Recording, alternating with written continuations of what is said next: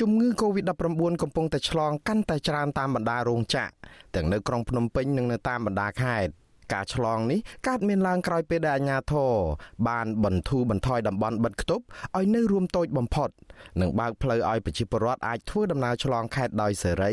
និងអនុញ្ញាតឲ្យបើកដំណើរការការងារនិងអាជីវកម្មឡើងវិញ។ ប្រធានសហភាពការងារកម្ពុជាលោកអាត់ធុនព្រួយបារម្ភថាស្ថានភាពឆ្លងតាមរោងចក្រនេះនឹងកាន់តែធ្ងន់ធ្ងរជាងនេះទៅទៀតបើសិនអាជ្ញាធរមិនចាត់វិធានការបិទរោងចក្រដែលកំពុងតែឆ្លងជំងឺ Covid-19 ទាំងស្រុងជាបន្ទាន់នោះទេជាមួយនឹងការជំរុញនេះលោកស្នើសុំឲ្យក្រសួងការងារអន្តរាគមន៍ទៅថកែរោងចក្រកុំឲ្យកាត់ប្រាក់ឈ្នួលហើយត្រូវរក្សាប្រាក់អត្ថប្រយោជន៍ទាំងអស់ឲ្យកម្មករនៅក្នុងពេលផ្អាកការងារនោះ។ លោកក៏ស្នើសុំឲ្យក្រសួងការងារជួយទំនុកបំរុងស្បៀងអាហារសម្រាប់កម្មករនៅក្នុងពេលដែលផ្អាកការងារមួយរយៈខ្លីនេះដែរ ផ្អាកវាប៉ះពាល់ហើយធម្មតាអីវ៉ាន់បញ្ជូនមិនទាន់ទៅដល់ក្រុមអ្នកបញ្ជាទិញវាអាចទីពីក្រុមហ៊ុនមួយទៅក្រុមហ៊ុនមួយហើយវាអាចធ្វើឲ្យកូនឬក៏ស្ទះខ្សែសង្វាក់ផលិតកម្មនៃការ order បន្ថែមបន្តបន្តទៀតផ្នែកកម្មករវាអត់មានលុយផ្អាកទៅអត់មានលុយតែអញ្ចឹងបានថាផ្អាកតែកន្លែងណាដែលកើតខ្ញុំគិតថាវាជាវិធីមួយដែរធ្វើម៉េចតាមដានមួយឲ្យច្បាស់លាស់ហើយចាប់ផ្ដើមផ្អាកមួយសប្តាហ៍ដំបូងសិនទៅដើម្បីរកមើលប្រភពចម្លងហើយនឹងតំណែងតំណងបន្ទាប់មកយើងអាចកាត់ផ្ដាច់បានត្រូវផ្អាកឬក៏ត្រូវឲ្យដំណើរការវិញបានដែរ របាយការណ៍របស់អាជ្ញាធរខេត្តមួយចំនួនបង្ហាញថាតួលេខមួយរយៈពេលចុងក្រោយនេះគឺអ្នកឆ្លងជំងឺ Covid-19 ភាគច្រើនកើតមាននៅតាមរោងចក្រដូចជានៅក្នុងតំបន់សេដ្ឋកិច្ចពិសេសមួយចំនួននៅក្រុងបាវិតខេត្តស្វាយរៀងរោងចក្រជាច្រើននៅឯខេត្តកំពង់ឆ្នាំងខេត្តកំពង់ចាមតាកែវកំពង់ស្ពឺនិងខេត្តប្រស័យអនុ អាស៊ីសេរីមិនអាចសុំការបញ្ជាក់បន្ថែមជុំវិញរឿងនេះពីអ្នកនាំពាក្យក្រសួងការងារលោកហេងសួរនិងអ្នកនាំពាក្យក្រសួងសុខាភិបាលអ្នកស្រីអាវ៉ាន់ឌិន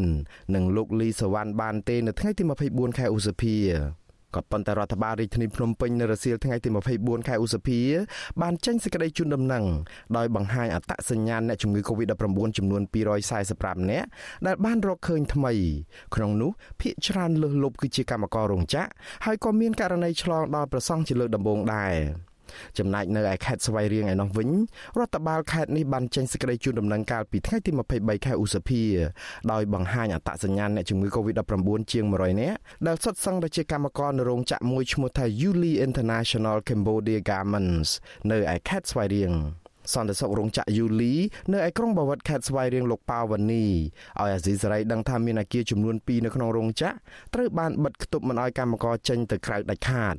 លោកថាអាជ្ញាធរតម្រូវឲ្យកម្មករនៅក្នុងអគារទាំងពីរដែលក្នុងនោះមានប្រពន្ធរបស់លោកម្នាក់ផងត្រូវយកសំណាក់ទៅពិនិត្យនិងស្នាក់នៅនៅក្នុងអគារនេះមួយរយៈរហូតដល់មានការអនុញ្ញាតទើបអាចចេញទៅក្រៅបាន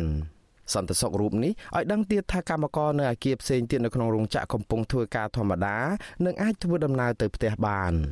ចេះតែមានការបារម្ភខ្លះគ្រាន់តែថាបើសិនជាយើងតក់ស្លុតខ្លាំងក៏វាពិបាកដែរណាបងចឹងហើយយើងធ្វើធម្មតាធម្មតាកម្មករដែលឃើញហ្នឹងគឺគាត់យកទៅខាងក្រសួងសុខាភិបាលណាបងប៉ុន្តែអ្នកដែលធ្វើតលេសាក់14ថ្ងៃហ្នឹងគឺកម្មករគ្រាន់តែមានការសង្ស័យចឹងណាបាទដល់អញ្ចឹងទៅគេឃុំទុកនៅនឹងអត់ឲ្យទៅណាទេ ចំណែកឯកម្មករតាមរោងចក្រផ្សេងទៀតដែលមិនមានករណីផ្ទុះជំងឺ Covid-19 ចូលដល់ក៏បង្ហាញការបារម្ភពីការឆ្លងនេះដែរកម្មការិនីម្នាក់ធ្វើការនៅរោងចក្រ JD នៅឯស្រុកបាទីខេត្តតាកែវកញ្ញានប់សុផាថ្លែងថាកញ្ញាទ្រាំធ្វើការទាំងអារម្មណ៍ភ័យខ្លាចឆ្លងជំងឺ Covid-19 នេះ កញ្ញាអះអាងថាកម្មករទាំងអស់គ្មានលទ្ធភាពឈប់សម្រាកទេទើបបង្ខំចិត្តនាំគ្នាមកធ្វើការដូចធម្មតាកម្មការិនីរូបនេះស្នើថានៅក្នុងករណីដែលរោងចក្រ JD មានកម្មករឆ្លងជំងឺ Covid-19 គឺសូមឲ្យក្រសួងការងារជួយអន្តរាគមន៍ឲ្យកម្មករបានឈប់សម្រាកនិងធ្វើចតាល័យសាក់ដោយកុំកាត់ប្រាក់ឈ្នួលរបស់ពួកគាត់ ពួកខ្ញុំការងារមានតិចតិចតិចតិចធ្វើអត់មានម៉ោងខែមានអីទេធ្វើធម្មតាអញ្ចឹងណាសម្រាប់អាគារគេអ្នកការអញ្ចឹងដូចថាអាគារវាធំធម្មតាអាគារមួយទាំងមូលវាមិនធំទេណាអញ្ចឹងចំណុចណាដែលកើតហើយចំណុចណាដែលមានពាក់ព័ន្ធគឺគេឲ្យពួកគាត់នឹងស្អាតតែកន្លែងណាដែលអត់មានពាក់ព័ន្ធនេះគេឲ្យគាត់នៅធ្វើតែគាត់ថាយើងចេញម៉ោង4ម៉ោងអីចឹងណាព្រោះអាហ្នឹងវាដើរទៅគ្នាអាខ្លាចគ្នាអត់លុយហ្នឹងជំវិញការឆ្លងនេះអាស៊ីសេរីបានព្យាយាមសុំការបញ្ជាក់ពីអគ្គលេខាធិការសមាគមរោងចក្រកាត់ដេរនៅកម្ពុជាលោក Ken Lu តែទូរស័ព្ទរោគ្មានអ្នកទទួលដោយឡែកអគ្គលេខាធិការរងសមាគមស្បែកជើងលោកងួនច័ន្ទរា ប្រាប់ថាខាងលោកមិនទាន់មានតួលេខជាក់លាក់ពីការឆ្លងនេះទេលោកបញ្ជាក់ថាសមាជិកទាំងអស់នឹងស្ដាប់តាមការណែនាំរបស់ក្រសួងការងារជានិច្ចស្របពេលដែលការឆ្លងថ្មីថ្មីនេះមិនទាន់ប៉ះពាល់ដល់សង្វាក់ផលិតកម្មនៃការផលិតស្បែកជើងនៅឡើយទេ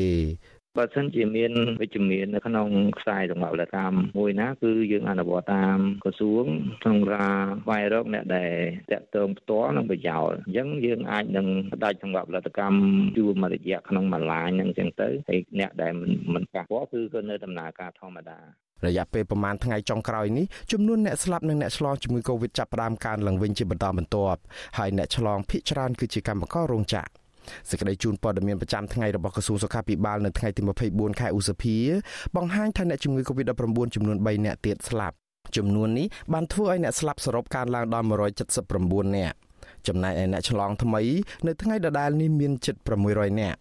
អ្នកជំងឺជាសះស្បើយមានជាង600នាក់មកដល់ពេលនេះកម្ពុជាបានរកឃើញអ្នកឆ្លងជំងឺ Covid-19 សរុបជាង25,000នាក់ហើយបានព្យាបាលជាសះស្បើយជាង18,000នាក់ ខ្ញុំបាទមុងណារ៉េត What you Asia សេរីពីរដ្ឋធានី Washington